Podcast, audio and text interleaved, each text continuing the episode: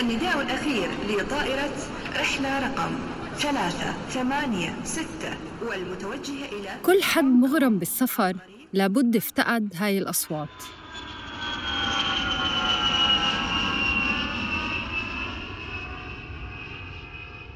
جائحة كورونا حرمت كتير ناس منها لفترة طويلة. مثل ما بقولوا كل شيء ممنوع مرغوب وهلأ بما إنه الطيران ممنوع كلياتنا صار بدنا نسافر فجأة. بعض المحرومين بيشتغلوا في قطاع الطيران ومعظم ساعات عملهم كانوا يقضوها بالسما. كتير منهم اليوم بيستنوا رحلتهم القادمة بفارغ الصبر. الرحلة اللي رح تكون مختلفة جدا جدا عن مفهومنا التقليدي للسفر. وداني من غير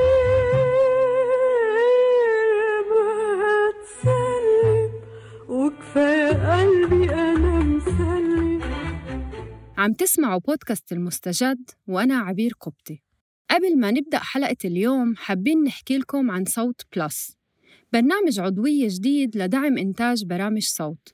بيتيح للمشتركين والمشتركات إنهم يكونوا جزء من دائرة تشاركية للدردشة ومناقشة الأفكار. للانضمام لصوت plus زوروا الرابط الموجود في وصف هاي الحلقة.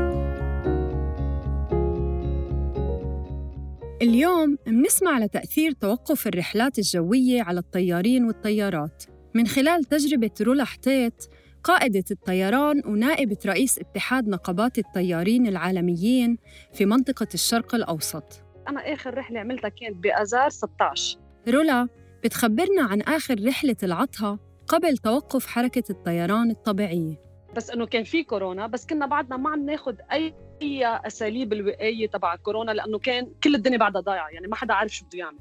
سو آخر رحلة كانت ب 16 آذار ومن بعدها تسكر المطار وبلشنا بعدين الإجراءات والوقاية للإجلاء اللبنانية. بعد إعلان السلطات عن إيقاف حركة الطيران رولا طلعت خمس رحلات استثنائية لإجلاء مواطنين لبنانيين في أفريقيا والخليج في نيسان أبريل وأيار مايو. هاي الرحلات اختلفت عن أي رحلات قادتها بحياتها.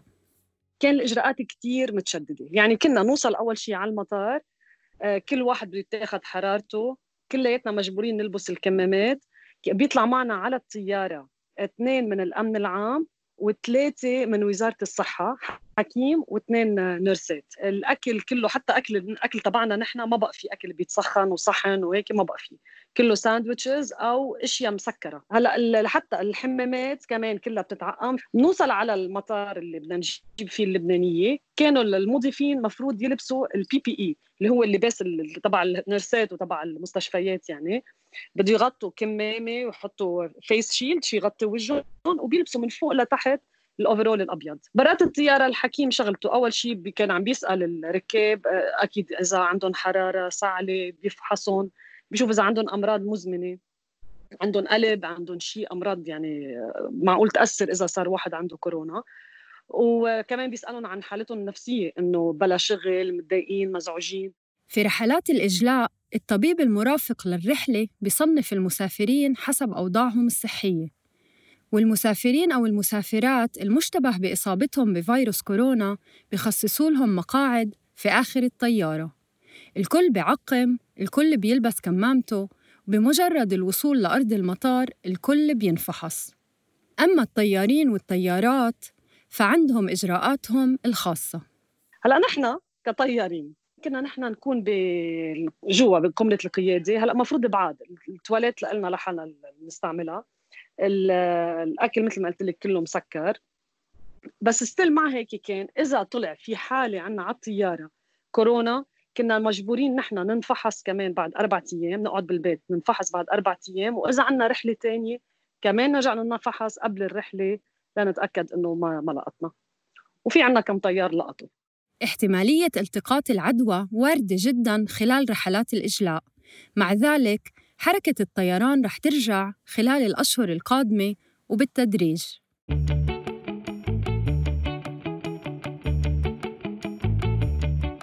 يترقب العالم عودة حركة الطيران قريبا آملا الانتهاء من جائحة فيروس كورونا. سوف يتم إعادة الرحلات إن شاء الله. عودة حركة الطيران مرة تانية وعدد من الإجراءات الاحترازية والوقائية اللي بتفرضها الدولة. العاملين والعاملات في مجال الطيران العائلات المشتتة والعالقين والعالقات جميعهم بانتظار هاي العودة. بكرة السفر بكرة السفر بكرة بكرة بكرة بكرة إذا منتساءل عن شكل السفر في هالمرحلة المعقدة اللي منعيشها فالإجراءات اللي اتبعت في رحلات الإجلاء تعطينا جواب أولي. سو ما بقى في تعاطي كتير بين الموظفين والركاب. بده يجربوا قد ما فيهم يخففوا. تسجيل الدخول بصير عبر الإنترنت قبل الوصول للمطار. يوصل على المطار كل شيء شو عنده إنه يحط شنطته يعني يبعت شنطته التذكرة محملة على التلفون وبطاقة الركوب نفس الشيء أما دخول المطار فمقتصر على المسافر ومرافقينه في حالات الضرورة. بس إنه أكيد اللي أكيدين منه إنه رح ينفحص درجة حرارته آه، ورح ينسأل كتير أسئلة وين سافرت قبل هيك؟ عندك أعراض؟ عندك مشاكل صحية؟ السوق الحرة كمان ما بنعرف شو رح يصير فيها لهلأ مبدئيا عم بيقولوا السوق الحرة والمطاعم بالمطارات كله حتتسكر أو حتفتح وتبيع ولكن بشكل محدود التباعد أكيد التلامس ممنوع والمعقمات متوفرة دائماً وفي الطريق للطيارة حيمر المسافرين ببوابات تعقيم خاصة سو هيدا أكيد صرنا أكيدين إنه رح نحط الماسك كل الوقت الكفوف تعقيم السيارة. على متن الطيارة الكمامات وأقنعة الوجه إلزامية. ما في مجلات أو صحف والأكل والشرب كله مغلف واحدة من ال- ال- الأفكار اللي عم تنطرح إنه يطيروا دائما الكابتن مع المساعد مع زيت طاقم المضيفين والمضيفات. حتى إذا واحد انضرب منهم ما يضربوا بقية الطيارين وبقية المضيفين. هلأ بتصور بس هيدا كمان بعده مش أكيد إنه بيصيروا يطيروا ال- ال- هالكرو هيدا هو ذاته يعني الكابتن والمساعد والمضيفين. لنقول مثلا ثلاث رحلات ورا بعض وبيرجعوا بيقعدوهم بالبيت ليتأكدوا إنه ما حدا منهم مريض على الأقل هاي هي ملامح السفر المتوقعة في المرحلة القادمة حسب توصيات منظمة الطيران المدني الدولي إيكاو. يعني باختصار السفر حيكون متعب أكثر ممتع أقل ولكن لابد من عودته.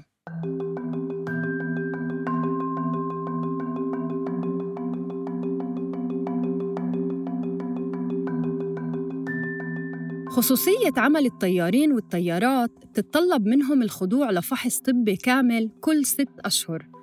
إضافة للامتحانات الشفوية والاختبارات العملية لازم يجتازوها كلها لحتى تتجدد رخصة عملهم. هلا هيدا كل ست أشهر بنعيده بس بشرط ممنوع نقعد أكثر من 30 يوم بلا طيران بطبيعة الحال رولا وزملائها انقطعوا عن عملهم لأكثر من 30 يوم بسبب ظروف الجائحة. إذا بنقعد 30 يوم بلا ما نطير مجبورين نرجع نعمل training يطلع معنا ممتحن يمتحننا ليتأكد إنه فينا نطير. so هيدا لحاله عامل نفسي بتحس هيك مضغوطين إنه إنه أنا بس أقطع ال 30 يوم طب معقول كل هالطيارين بده يرجعوا يعملوا فحوصات؟ إنه منا منا هينه واصلا الطيران ما في أنسى الامتحانات. الواحد ما في يقعد فترة طويلة ما يطير. لأنه بتعرفي ما ممنوع الغلط. غلطة وحدة بتودي بتقودي بحياة العالم. سو كرمال هيك بفضلوا إنه مش بفضلوا القانون ممنوع الطيار يقعد فترة بلا طيران. على المستوى الاقتصادي كمان الجائحة تركت أثرها على رواتبهم. هلأ بالنسبة للمصاري لهلأ بعدنا عم نقبض معاشاتنا. بس معاش الطيار بيتقسم على إذا ما كان عم بيطير وبياخد بدل ساعات طيران. هول بدل ساعات الطيران أكيد ما بقى عم نقبضهم الخسائر اللي تكبدها قطاع الطيران كبيرة كتير. شركات الطيران رح تخسر أكثر من 84 مليار دولار حسب التوقعات وإيراداتها رح تنخفض بنسبة 50% مقارنة بالعام الماضي. بكلمات أخرى 2020 هو العام المالي الأسوأ في تاريخ صناعة الطيران.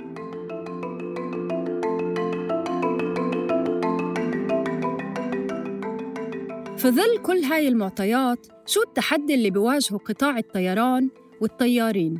أول شيء إنه يحافظوا على شغلهم لأنه شكله شغل الطيارين بخطر كتير كبير.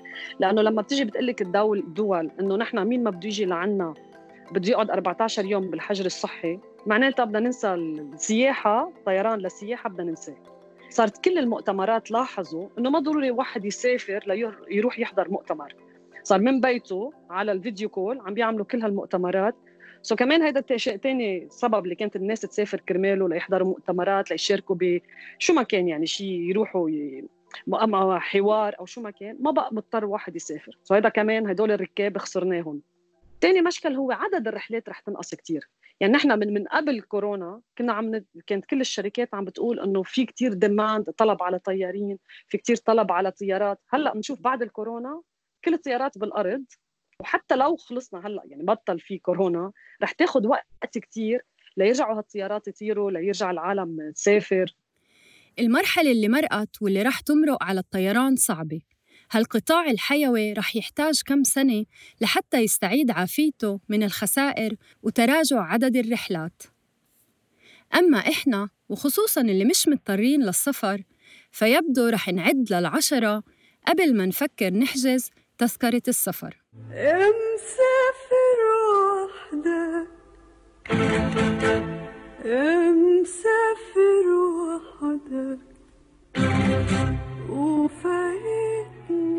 بودكاست المستجد من إنتاج صوت. كنا معكم في التقديم والتحرير عبير قبطي. في البحث والإعداد روان نخلي. في الكتابة محمود الخواجة. وفي المونتاج تيسير قباني. تذكروا إنكم تشتركوا بقناة بودكاست المستجد على أي منصة بودكاست بتفضلوها لتوصلكم تنبيهات بالحلقات الجديدة. كونوا بخير وعافية.